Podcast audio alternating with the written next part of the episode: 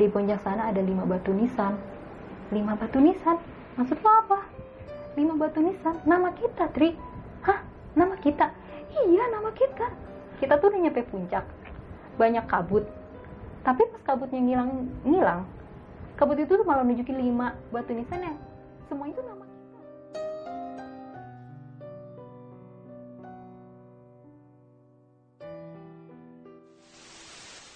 Assalamualaikum warahmatullahi wabarakatuh. Balik lagi bersama gue Indra di Besok Pagi. Sebelumnya gue sangat berterima kasih banget Buat teman-teman semua yang sudah mensupport Besok Pagi sampai saat ini Tanpa dukungan dari kalian semua. Kami bukan apa-apa. Nah pada segmen kali ini, momen kali ini Gue kedatangan salah satu narasumber Yang mempunyai pengalaman pendakian Yang sangat gila banget. Sempat mengalami trauma juga ya Fit ya? Pastinya nanti lu simak lah sampai habis karena ini ceritanya sangat epic banget lah menurut gua. Oke, kita langsung aja sapa narasumber gua kali ini. Halo Fit, halo bang apa kabar? alhamdulillah baik Sehat ya yang penting ya. sehat alhamdulillah Eh, kesibukan lu sekarang apa aja nih? Eh, kerja sama nulis aja sih kadang-kadang Oh, lu masih nulis. nulis artikel Di sih kayak di blog? media gitu di Oh, blog juga oke. ada di media paling kayak apa artikel tentang berita-berita aja sih paling Hmm, sama ada blog juga tuh kadang kadang kalau lagi gak hektik kerja Oke. Nah, Fitri ini mempunyai pengalaman pendakian yang di mana empat rekan temennya itu meninggal dunia, Fit ya. eh Ini kejadian yang udah lumayan cukup lama di salah satu gunung terlarang ya. Di iya. sini kita sembunyikan aja nama gunungnya ya, karena Iya. agak sensitif. Emang agak sensitif karena sebenarnya gunung tempat gue mendaki beberapa tahun ini beberapa tahun lalu itu emang bukan gunung yang resmi untuk didaki Hmm. sebenarnya nggak ada pendaki nggak ada pendakian resmi yang dibuka di gunung itu cuman ada beberapa pendaki yang tahu lokasi gunung itu dan beberapa warga juga buka pendakian ilegal di situ Oke. Nah, sebelum masuk ke cerita buat teman-teman semua, bahwasanya cerita yang pengen diangkat Fitri kali ini bukan untuk menakut-nakuti teman-teman semua, tapi kalian bisa mengambil sisi positifnya. Yang buruknya buang jauh-jauh. Jangan lupa juga di subscribe besok pagi, like, comment, and share, nyalain loncengnya supaya tidak tertinggal video-video terbaru dari besok pagi. Buat kalian juga yang mempunyai cerita pengalaman pendakian gunung, cerita kalian pengen dibawakan di besok pagi atau menjadi narasumber langsung, bisa langsung mengirim email di besokpagi@gmail.com atau melalui DM Instagram besokpagi.adf. Nah, Fitri juga mempunyai Instagram nih. Instagram lo apa, Fit? Ipit Handayani Ipit Handayani. Oh iya, blognya apa tuh? Uh, cukup search aja di Google jejak si Ipit Jejak si Ipit. Nanti mungkin lebih detail lah gue cantumin juga di kolom deskripsi. Mungkin tanpa berlama-lama waktu ya, Fit ya. Iya. Kita langsung aja masuk ke ceritanya.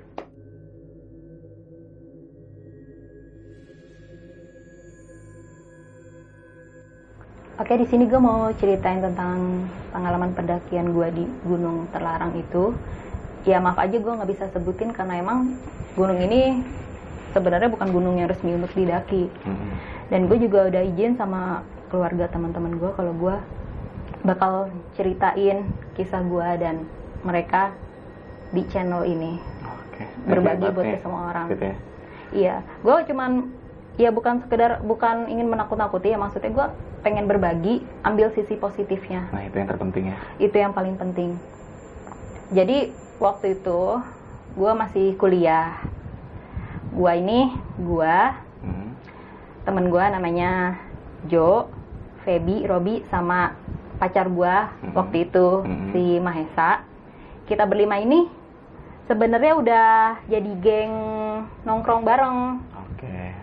ternyata Oke. pas sebelum kuliah ini mereka masih anak satu tongkrongan di daerah Jaksel juga nah makanya pas ternyata satu universitas oh kita langsung akrab nih Mm. Nah pas awal-awal masuk kuliah tuh gue udah lang- apa ya langsung deket sama si Mahesa. Ah. gue udah deket sama si Mahesa dan jadian lah gue nah selama masuk kuliah itu gue udah pacaran sama dia setahun lebih. Nah pas pertengahan semester itu dia ulang tahun si Hmm. Mahesa ini. Dia ulang tahun.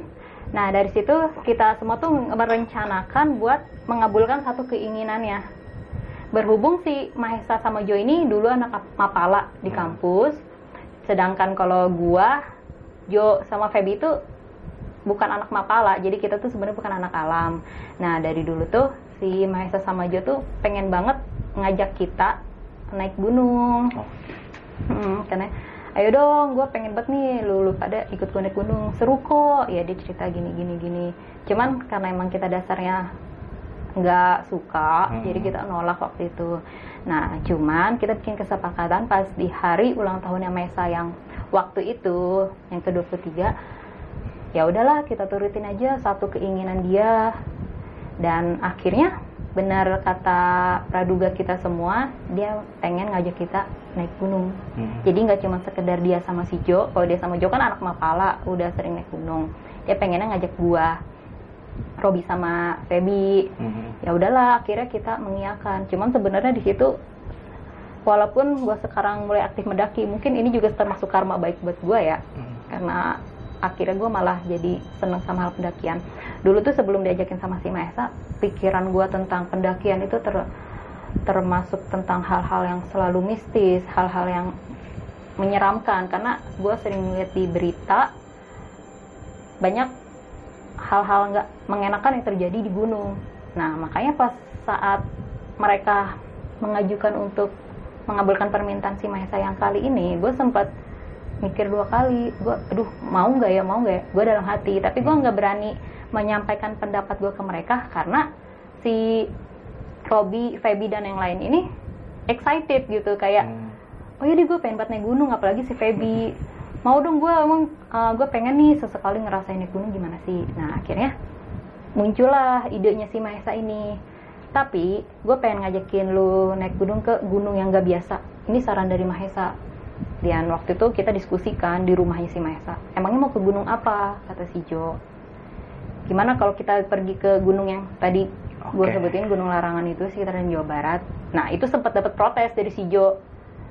Eh lu nggak salah ngajakin ke situ itu gunung belum resmi loh. Maksudnya walaupun udah banyak yang ke sana tapi ngeri juga sih kalau kenapa-napa lu nanti bakal ribet sendiri. Kita nggak bakal ada yang bantuin katanya gitu. Hmm. Yalah nggak apa-apa kali.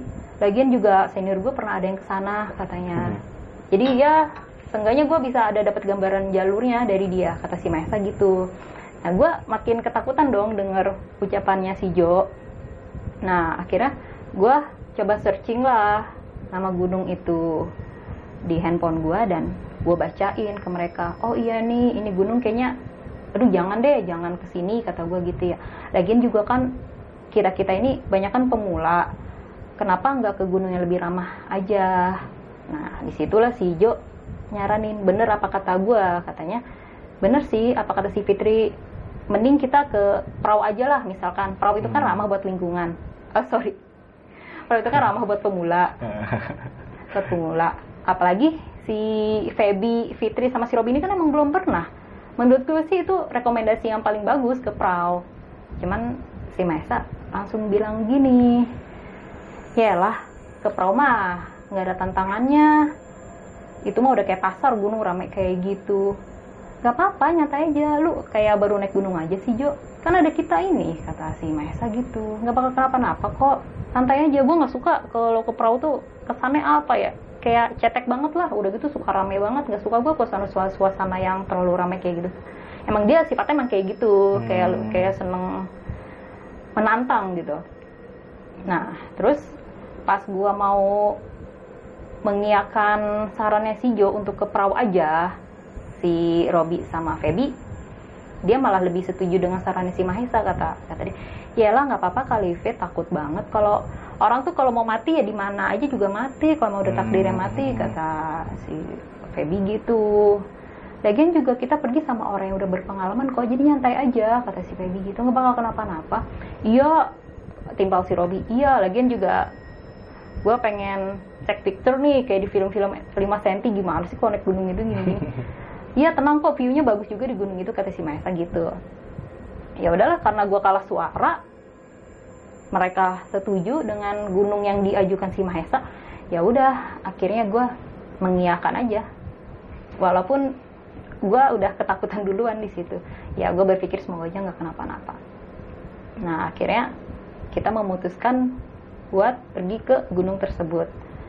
Nah salahnya lagi pas saat diskusi mungkin kalau gue bawa tenda lebih waktu itu mungkin kejadiannya nggak bakal separah nanti ya jadi pas diskusi masalah tenda si Jo ada sempet tanya sama si Mahesa Sa kira-kira kita bawa tenda berapa ya?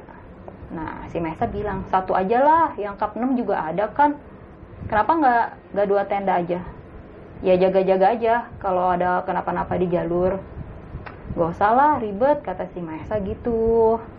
Lagian juga lahan di puncak tuh gunung kayaknya nggak luas-luas banget deh kalau misalkan bawa tenda dua nanti malah makan tempat juga. Ya udah deh kalau gitu. Jadilah kita satu tim ini cuma bawa satu tenda yang ada di karirnya si Jo. Waktu itu kita menagi mendaki itu pas lagi masa libur kuliah.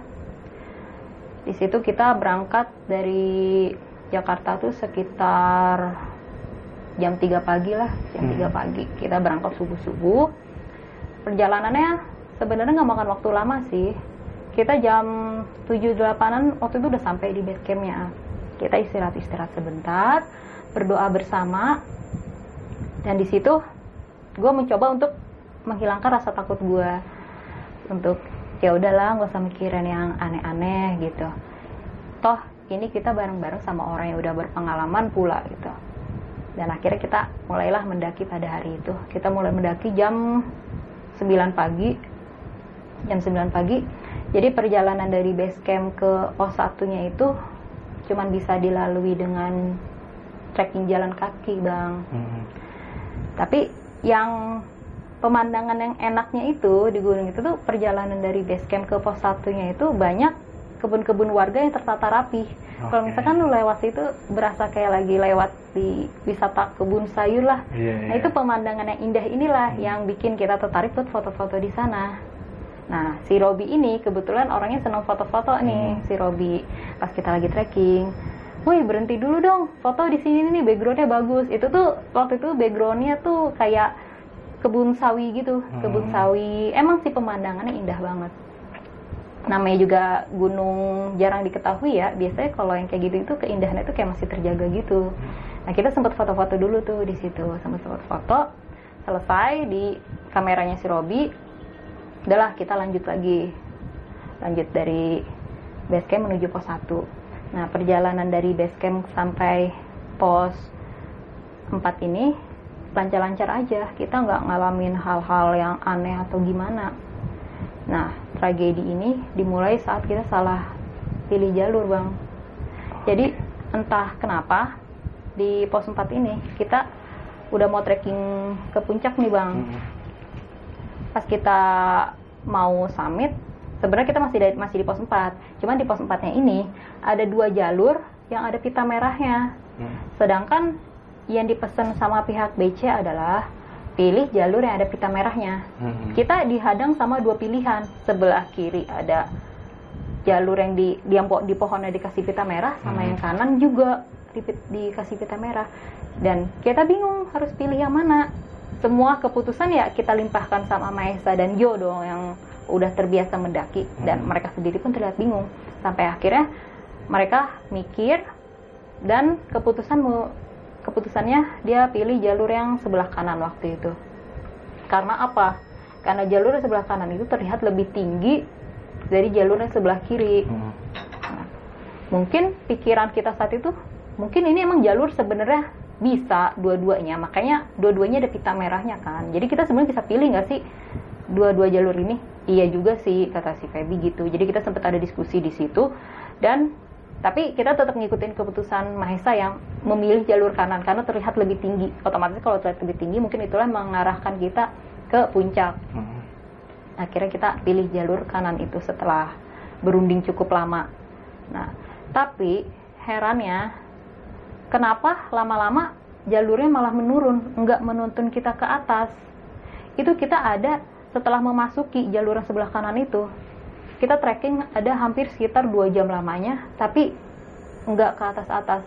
Malah yang ada kok semakin menurun dan jalurnya semakin menyempit. Sebab dan lama-lama jalur itu hilang, nggak ada. Maksudnya yang nggak ada ini udah ketutup sama semak-semak gitu bang, semak-semak. Jadi penilaian kita saat itu jalur ini tuh sebenarnya jalur lama yang udah nggak kepake. Hmm. Nah, di situ kita menyimpulkan fix kita salah jalur. Karena jalur yang kita pilih ini nggak menuntun kita ke atas, malah menuntun kita ke bawah. dan semakin bawah semakin bawah semakin curam. Dan jalurnya ketutup semak-semak. Dan kita emang sempat mikir oh ya mungkin emang benar ini sebenarnya jalur lama cuman nggak kepake. Tapi kenapa pita merahnya masih ada? Mungkin ada, ada kesalahan dari pihak pengelola yang nggak cabut jadi sempat ada salah paham pilih jalur. Nah karena kita semua udah meyakinkan diri kita ini nyasar salah pilih jalur harusnya kita pilih yang kiri. Akhirnya kita buat mutusin langsung balik lagi. Mumpung hari waktu itu belum sore banget. Masih ada sekitar jam 4an cuman kalau dibilang capek capek sih bang. Soalnya pas trekking selama dua jam itu treknya itu cukup terjal. Kanan kanan sama kiri kita itu jurang-jurang tajam gitu dan pas turun pun itu kemiringannya ada hampir 80 derajat. Jadi kita disasarin ke situ tapi bukan bukan sekedar jalur yang biasa aja. Dan itu cukup menguras tenaga kita. Makanya pas kita memutuskan buat balik lagi si Maesa sempat tanya ke kita kita gimana nih enaknya nih? Kalian pada kuat nggak kalau misalkan balik ke awal lagi ke depan hmm. buat ngambil jalur kiri? Nah dari situ sih anak-anak gue lihat ya oke oke aja nggak apa-apa. Terus dia juga sempat ada nanya sama gue lu nggak apa-apa? Di situ gue udah gemeteran bang. Ya gimana gue nggak takut ya? Orang gue dari awal paling takut nyasar di gunung ini malah sempat mengalami kejadian nyasar di gunung gitu. Gue kayak mikir kok ketakutan gue kayak jadi nyata? Gitu. Cuman di situ gue berusaha menenangkan diri gue dan enggak kok gue kenapa-napa. Kalau kalian mau lanjut kalau masih ada tenaga ya udah nggak apa-apa lanjut aja kata gue gitu. Akhirnya mereka memutuskan buat lanjut lagi ke depan nah di sini satu persatu nih ya bang entah kesalahan apa yang kita buat tapi kita ngerasa kita nggak nggak ada berbuat salah apa-apa. Hmm. Nah, pas kita mau menuju ke jalur yang sebelah kiri di situ kan yang tadi gue bilang yeah. jalurnya itu terjal jadi pas saat kita balik tuh posisi kita trekking naik kan mm -hmm. trekking naik ini kayaknya si Feby kurang hati-hati dia dia nginjek batu yang udah nggak kokoh gitu. Yeah. udah nggak kokoh keinjek sama dia dan dia sempat ada mau jatuh ke jurang gitu. Dan sayangnya lagi kakinya itu ke garet sama batunya itu bang. Hmm. ada kali sekitar 5 cm dia dalam juga langsung berdarah kayak gitu. Untungnya pas lagi dia mau jatuh di belakang dia itu si Robi. Robi ini kan badannya agak gemuk juga ya. Jadi pas dia jatuh ke belakang ketahan sama badannya Robi. Posisinya waktu itu si Maesa di depan. Hmm. Gue di belakang si Maesa Feby di belakang gue si Robi ada di depan si Feby dan yang paling belakang sebagai sweeper itu si Joe nah pas si Feby mau ngegelin ketahan sama badannya si Robi yang gede tuh. Cuman dia sempat ada kegores kakinya. Langsunglah berdarah di situ. Nah ngelihat kondisinya kayak gitu nggak mungkin juga dong kita buat tetap lanjut. Apalagi pas waktu itu ngeliat si Feby itu udah menangis kesakitan. Sayangnya lagi dia pas lagi naik waktu itu nggak pakai celana panjang dia pakai celana selutut dan mungkin kalau emang dia waktu itu pakai celana panjang mungkin lukanya nggak nggak mungkin selebar itu yeah. nah di situ dia udah meringis kesakitan dan kita akhirnya menepi nyari lahan yang cukup buat kita berhenti dulu dan di situ kita obatin. Untungnya sih perlengkapan P3K lengkap di carrier si Jo. Nah, kita obatin sama si Jo tuh kakinya si Feby dilap-lapin. Nah, pas sudah selesai, sempatlah ditanya sama si Maisa, mau lanjut atau gimana?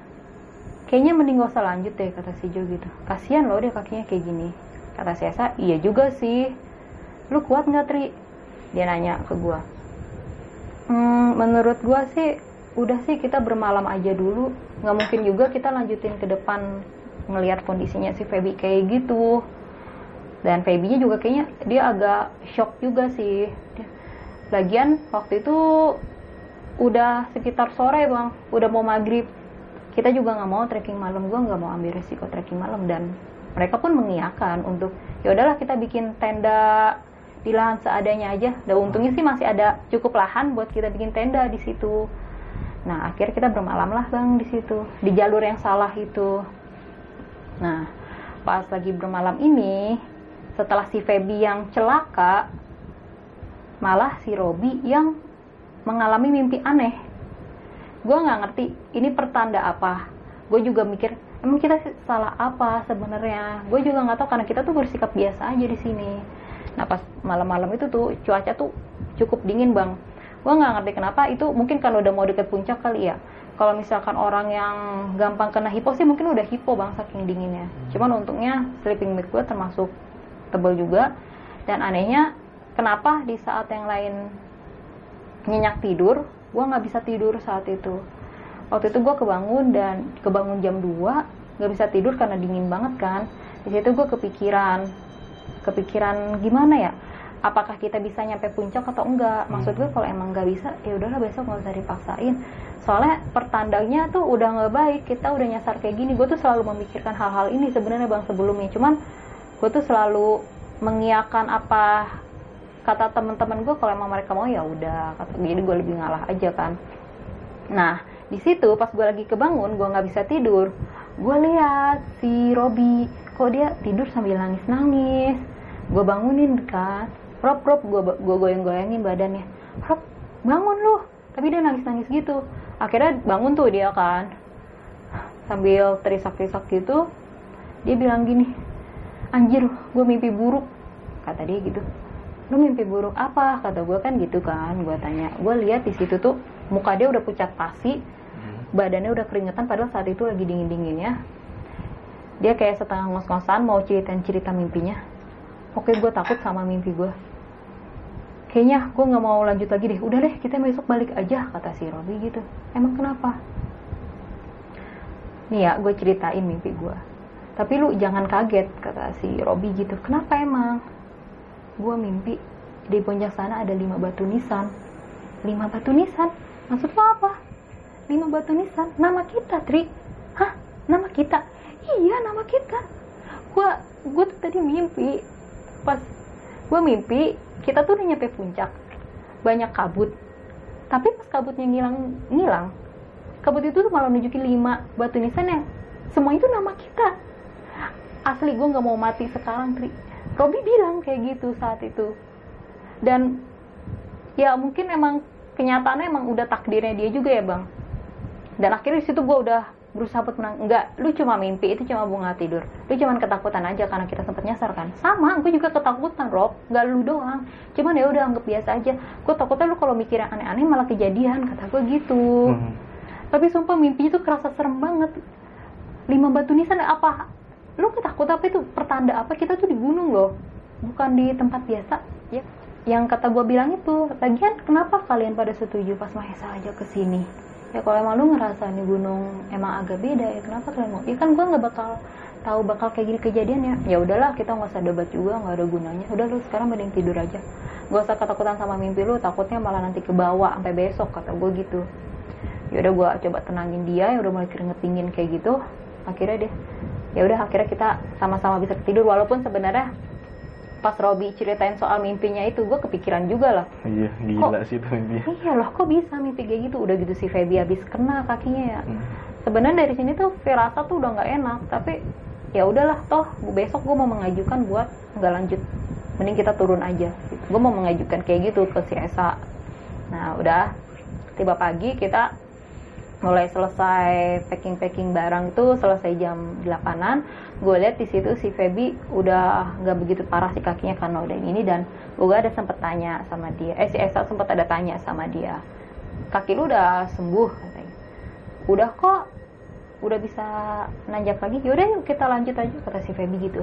Dan gue di sini ada bilang "Ah, gimana kalau kita turun aja deh? Soalnya kayaknya firasat gue nggak enak. Apalagi si Robi semalam cerita mimpi nggak enak tentang kita si Jo nanya lah ke si Robi emang lu mimpi apaan Rob semalam tentang kita? Serem lah pokoknya gue mimpi di puncak sana tuh ada lima batu nisan atas nama kita. Gue ngeri itu cuma pertanda gak enak aja sih. Kayak gue setuju sama si Fitri buat turun aja kata si Robi gitu. Cuman si Esa sama Feby ini kayak ya lah itu cuma mimpi gak usah lah Hmm. lanjut aja. Nanggung kali kita udah di sini masa nggak nyampe puncak perjalanan kita tuh cukup capek loh pas trekking kata si Feby gitu. Dan Esa pun mengiyakan kata si Esa udah kalian gak usah takut yang gimana gimana gue sempet lihat sih si Fitri tuh badannya gemeteran sekarang. Udah gak usah takut kenapa-napa yang lain aja biasa aja kok kata si Esa gitu. Oh ya udah deh kalau gue kan tipe orang yang iya iya aja kan. Ya udah gue ingin aja kalau emang maunya gitu. Lu gimana Rob? kata gue ya udah deh nggak apa-apa. Kalau mau lanjut lanjut aja. Nah jadi kesepakatan kita tetap lanjut menuju jalur sebelah kiri nggak memutuskan buat turun karena nggak pada mau kan. Hmm. ya udahlah perjalanan dari tempat kita ngecamp sampai menuju ke jalur yang di mana awal kita salah pilih itu itu ada kita sekitar lama juga sih heran juga sih kenapa bisa selama itu ya. Padahal dipikir-pikir jaraknya tuh nggak begitu jauh. Ada kali nyampe dua jam kita ke jalur yang bener itu. Nah udah tuh kita di tengah situ. Seneng lah kita akhirnya udah nyampe di jalur yang bener Hmm. nah berarti dari sini kita tinggal pilih yang kiri nih kata si Robi gitu. Hmm. kita udah pernah seneng tuh. Nah pokoknya estimasi estimasi CS1 dari jalur itu ke puncak tuh nggak lama. Cuma sekitar dua jam setengah. Dan di situ yaudah nih gimana? Mau lanjut nggak? Si Feby udah girang banget tuh. Udah mau nyampe puncak nih. Yaudahlah bolehlah udah lupain aja yang tadi tadi mah. Tenang kita udah di jalur yang bener kok. Gak usah takut yang gimana gimana kata si Robi Hmm. gitu ya udahlah akhirnya kita memutuskan buat tetap melanjutkan pendakian kala itu. Nah anehnya lagi di sini kita belum sampai puncak ya bang. Itu tuh kita baru ada sekitar trekking satu jam setengah dan ternyata treknya pun jalurnya sama curamnya seperti yang jalur yang salah tadi. Sama curamnya dengan banyak te- tebing 80 derajat sisi kirinya itu jurang dalam sebelah kanannya itu hutan-hutan dengan pohon akasia yang gede-gede gitu. Menurutku sih pohon akasia ya soalnya mirip. Nah di sini yang parahnya Robi yang sorry Jo yang kepleset. Di situ Jo kepleset jatuh ke jurang. Masalahnya dia bukan kepleset lagi udah jatuh ke jurang bang. Hmm. kalau si Feby kan awal cuma sempat kepleset doang tuh, Ah. ketahan sama si Robi. Eh si Jo malah jatuh ke bawah. Ya kita teriak kaget dong. Nah pas si Jo jatuh ini gua lihat nggak enak dilihat sih sebenarnya gua lihat waktu itu kakinya itu udah kayak agak sobek karena ke geret ranting pas dia Hmm. turun dan bukan yang bukan mikir bukan ngarep yang aneh-aneh juga ya gua Hmm. pikir dia nggak sadarkan diri atau gimana secara dia jatuh lumayan dalam juga Iya. kan itu tapi pas gue lihat dia alhamdulillahnya saat itu masih hidup dia masih hidup cuman ngeriin kesakitan nah salahnya kita lagi adalah di sini semua peralatan yang lengkap-lengkap rata-rata ditaruh di carrier si Jo. Sedangkan Esa nggak bawa tali webbing. Di situ salahnya. Kenapa kita nggak bawa alat yang lengkap? Mungkin pada saat itu semisal si Esa bawa tali webbing seenggaknya kita bisa mengurangi resiko lah buat bisa bantu Jo cepat naik ke atas. Walaupun gue lihat kayaknya kakinya udah patah sih itu pasti.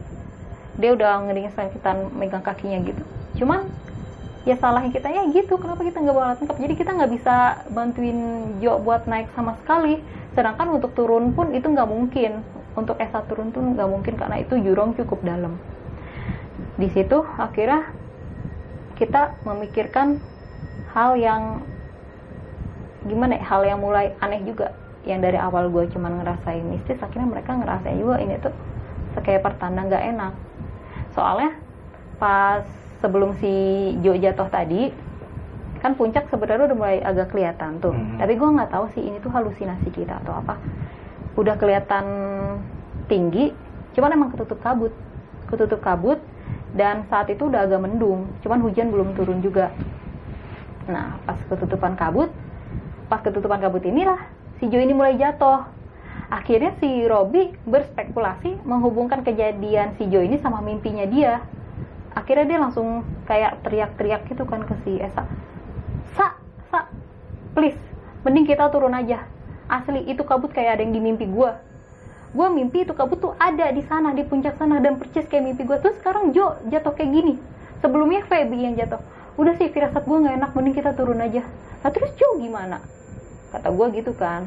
Kita kan bisa turun ke base camp salah satunya siapa buat minta bantuan ke orang di bawah nah di situ gue lihat si Maesa agak mikir-mikir gitu. Terus, emang lu mimpi apa emang waktu semalam? Pokoknya mimpi gue nggak enak. Kayaknya emang kita nggak dibolehin ke puncak deh. Lu lihat kabut di depan nggak hilang-hilang kan? Itu tuh tanda kita tuh nggak bisa ke sana. Terus sekarang lihat Jo kita nggak mungkin lah tinggalin Jo kayak gini. Ya iyalah nggak mungkin kata si Esa gitu kan.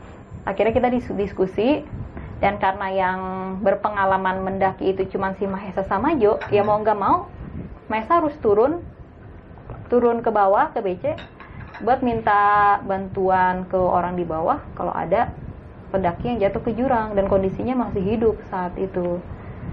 Cuman yang jadi dilema adalah kalau misalkan dia ke bawah otomatis gua Feby sama Robi ditinggal di situ sama Jo. Kita yang istilahnya buta pendakian mau nggak mau cuma bisa menunggu di situ sampai akhirnya datang bantuan. Mm-mm. Karena kita nggak mungkin ninggalin Jo di situ sedangkan alat-alat kayak tenda dan yang lainnya tuh rata-rata di si Jo. Untuk kalau misalkan jurang yang nggak dalam-dalam ngasih kita juga mikir kita juga bisa untuk turun ke bawah. Cuman saat itu kondisinya sangat tidak memungkinkan untuk turun. Terlebih kita nggak ada tali webbing juga. Nyeselnya sih di situ. Nah akhirnya si Esa dengan berat hati memutuskan buat ya udah dia turun ke ke bawah duluan. Mungkin estimasi dia perkiraan 3 jam nah pas dia turun ini waktu itu masih sekitar jam satu siang masih sekitar jam satu siang emang cuacanya udah agak mendung saat itu. Nah di situ dia pamit dulu lah sama kita.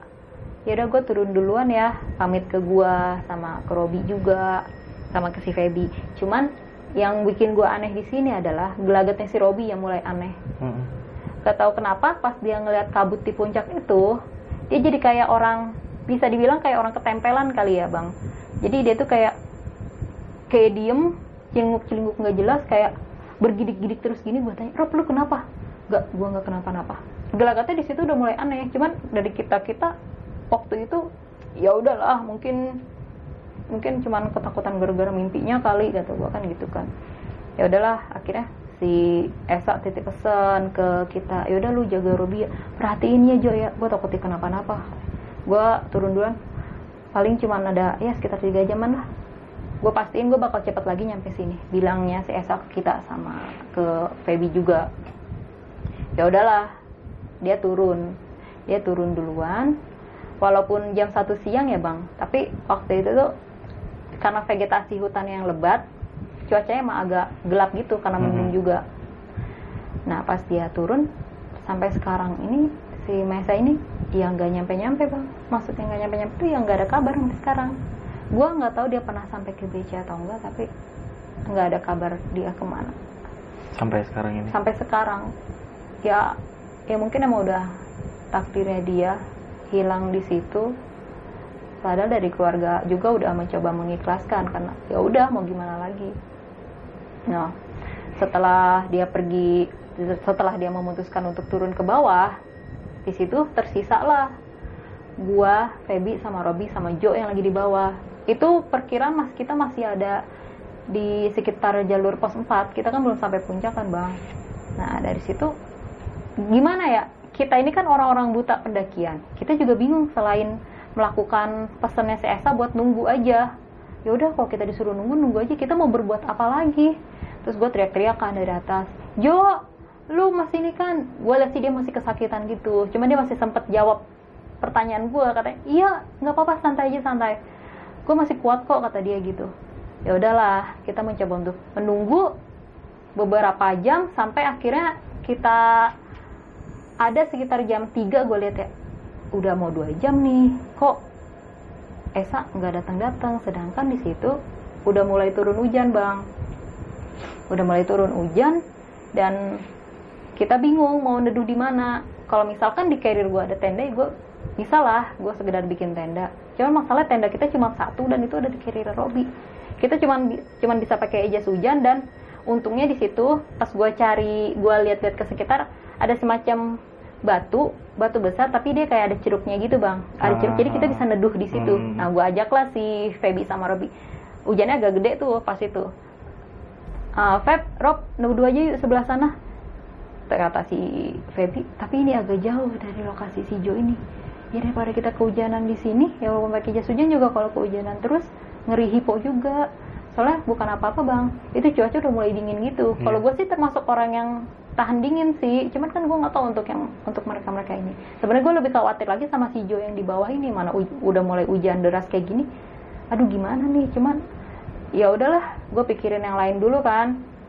Akhirnya kita neduh di situ ada agak lama udah hampir dua sejam lah kita neduh pada saat itu dan hujan nggak berhenti berhenti nah di situ gue mulai kebingungan apa yang harus gue lakuin selanjutnya nih? Kok si Maesa nggak balik balik Feby juga mikirnya gitu. Sedangkan gue lihat di situ si Feby badannya udah mulai panas gitu. Gue pengen Hmm. tanya kok tangan lu panas? Nggak tahu nih kok gue kayak agak meriang ya? Feby waktu itu bilang gitu. Sedangkan si Robi dari situ udah nggak banyak ngomong gue ngerinya nih anak agak kesurupan atau gimana tapi nggak banyak bicara dia saat itu. Mukanya udah pucat cuman bisa diem duduk duduk kayak gini di bawah batu. Gue tanya lu ngelamunin apa? Dia cuman gini dong. Tanpa ekspresi tanpa apa. Ya udahlah gue anggap biasa aja. Mungkin dia masih kaget kali sama mimpinya itu pas ngelihat kabut. Nah akhirnya gue pun berdiskusi lah sama si Feby karena di situ cuma si Feby yang masih Hmm. bisa diajak ngobrol kan. Robi walaupun cowok-cowok gini tapi dia kayak udah mulai apa ya kayak udah mulai nggak merespon hal-hal yang ada di sekitar kita. Gue tanya Feb lu mikir nggak sih si Esa nyampe ke base camp atau enggak kok dia nggak balik-balik? Padahal kan estimasinya dia bilang cuma tiga jam. Gue juga nggak tahu Tri kata si kata si Feby gitu terus kita harus gimana? Kita nggak mungkin dong nunggu terus. Dan di situ Feby ngajuin diri dia ya udah deh kalau gitu gue aja yang turun nyusul si Esa. Gak usah gue aja badan lu udah kayak gini. Gue nggak yakin aja lu kuat nanti sampai ke bawah. Udah nggak apa-apa santai aja kata si Feby gitu. Gue sempet apa kok jalurnya gak bakal nyasar cuma lurus aja kan tadi dari persimpangan yang tadi kita salah kata gitu ya maksudnya bukan masalah itunya juga sih. Masa cuaca ini lagi hujan gede. Bukan masalah lu bisa ngelewatin Hmm. jalurnya aja. Masalah jalur yang tadi tuh curam dan pasti bakal licin banget. Ditambah kondisi lu kayak udah mulai nggak sehat gitu kata gue gitu. Dan jadilah gue yang memutuskan buat turun. Sebenarnya gue berat hati waktu itu ninggalin si Feby sama Robi. Cuman ya mau gimana lagi kita menunggu pun nggak bakal ada hasil. Hmm. handphone pun ya namanya di gunung ya apalagi rimba kayak gitu. Sama-sama nggak ada sinyal. Kita juga nggak ada yang bawa HP sejenisnya. Ya udah tuh akhirnya gue gue sebenarnya agak takut sih pas memutuskan turun ini. Kan gue nggak pernah naik gunung ya apalagi gue harus trekking sendirian di tengah kondisi yang lagi kayak gini. Hujan juga kan udah gitu udah mau sore juga. Tapi cuaca tuh udah gelap saking mendungnya ini nah di situ si Robi manggil gue Fit apa? kata gue gue ikut dong ke bawah kata dia gitu. Loh si Feby gimana? Udah nggak mau tahu gue gue pengen turun. Dia udah kayak apa ya udah males gitu. Kayak udah udah ketakutan kayak gitu. Mungkin jadi dia mikirin dirinya sendiri. Jadi kata si Feby ya udah nggak apa-apa. Gue juga ngeliat nih anak kayak udah nggak enak bawaannya. Kayaknya udah ke- udah setengah ketempelan nih Fit kata si Feby gitu kan lah lu nggak apa-apa ditinggal sendiri di sini? Nggak apa-apa gue harus jagain Joe juga sih. Serius serius nggak apa-apa. Ya udah loh akhirnya gue sama Robi memutuskan buat turun turun. mungkin Robi mau nemenin gue kali ya karena mungkin dia takut ngeliat gue turun sendirian. Nah di sinilah pas kita turun dari jalur pos 4 sampai menuju ke pos 3 nih kita mau menuju pos 3 di situ gue ngeliat ada shelter Mm-mm. ada shelter di sisi kanan. Dan gue bilang ke si Robi Rob kita istirahat aja yuk dulu di sana. Jadi tuh kita saat itu trekking dalam keadaan hujan deras bang. Iya. jalur licin kita harus jalan pelan-pelan. Di situ gue lihat si Robi udah kayak mulai kecapean sama gue juga. Cuman kayak Robi lebih-lebih ini gue takut nih anak kena sakit juga. Nah pas kita ngeliat ada shelter tuh gue ajak lah si Robi ke situ. Rob istirahat dulu yuk di sini kata gue kan gitu ya. Ya udah kata dia gitu. Jawab dia jawab jawab singkat gitu. Nah udah istirahat di situ. Ada kita istirahat sekitar satu jam. Dan yang bikin gua kesel adalah hujannya nggak berhenti berhenti sedangkan cuaca di gunung itu dinginnya minta ampun. Dan gua takut si Robi ini kena hipo. Hmm. jadi pas gua lagi istirahat di shelter ini gua ada merhatiin kondisinya si Robi nih. Rob kok lu dingin banget sih? Kata gue gitu kan. Terus dia diem aja tuh. Diem aja ter diem termangu nggak ngomong apa-apa menggigil. Kata gue waduh nih anak udah kena hipo nih. Rob Rob gua gue yang goyangin kan badannya please Rob lu lu jangan tidur deh. Lu kayak kena hipo deh. Dia ngegigil kayak gitu dan mulai halusinasi. Menur- entah halusinasi atau enggak tapi menurut gue sih dia halusinasi karena hipo. Jadi pas dia lagi setengah kedinginan gitu Hmm. di depan kita kan ada ada kayak pohon gede gitu ya bang di depan shelter itu. Dia ketawa-ketawa gini. Fit fit lihat deh. Dia ketawa-ketawa gitu. Kenapa? Itu di sana Esa ada di sana kata dia gitu. Esa gue lihat dong ke arah pohon yang ditunjuk sama si Robi ini di situ gue lihat nggak gue nggak lihat ada siapa-siapa. Mana? Nggak ada Esa. Itu Esa ada di belakang pohon itu dia lagi ngeliatin kita. Apa sih Rob? Orang Esa lagi turun ke bawah kata gue kan gitu. Enggak itu ada Esa. Sedangkan gue lihat nggak ada siapa-siapa. Hmm. Rob lu udah mulai halusinasi kata gue gitu ya. Dan parahnya gue di situ adalah gue nggak bisa menangani dia karena gue juga kan nggak tahu cara menangani orang hipo gimana ini menurut keterangan gue ya bang dia kena hipo. Karena kalau gue cari ciri-cirinya tuh emang kayak orang hipo. Dia menggigil halusinasi. Nah di situlah gue karena baju dia udah basah jas hujannya kan jas hujan ponco gitu udah udah tembus gitu ke baju gue sempat ada ganti jaketnya gue bongkar carriernya gue ganti gue ganti gue lapin badannya gue usap-usap tangannya gue usap-usap. Rob lu jangan sampai ketiduran kata lu jangan sampai ketiduran pokoknya. Tapi dia kayak mau tidur gitu. Hmm. gue ada tampar dia sekali. Ada gue ada tampar dia sekali tapi dia nggak ngerespon yang gimana gimana cuman kayak orang kedinginan dan kelelahan gitu. Nah di situlah dia bilang gue nggak mau mati kayak gini. Kenapa? Gue nggak mau mati. Tapi gue ada beban. Beban apa? Kata gue gitu kan. Gue sorry banget. Gue cuman mau bilang kalau sebenarnya si S1 udah pacaran lama sama si Feby. Hmm. jadi dari situ gue baru tahu kalau ternyata si Feby sama Esa tuh ada main belak ada main belakang pas itu dan di situ gue sempat kaget dong lu jangan bercanda deh Rob. Nggak tri gue nggak bercanda. Ini gue bilang kayak gini karena gue takut gue bawa beban pas mati kata dia gitu kan. Kenapa kenapa aku nggak pada bilang dari kemarin gitu?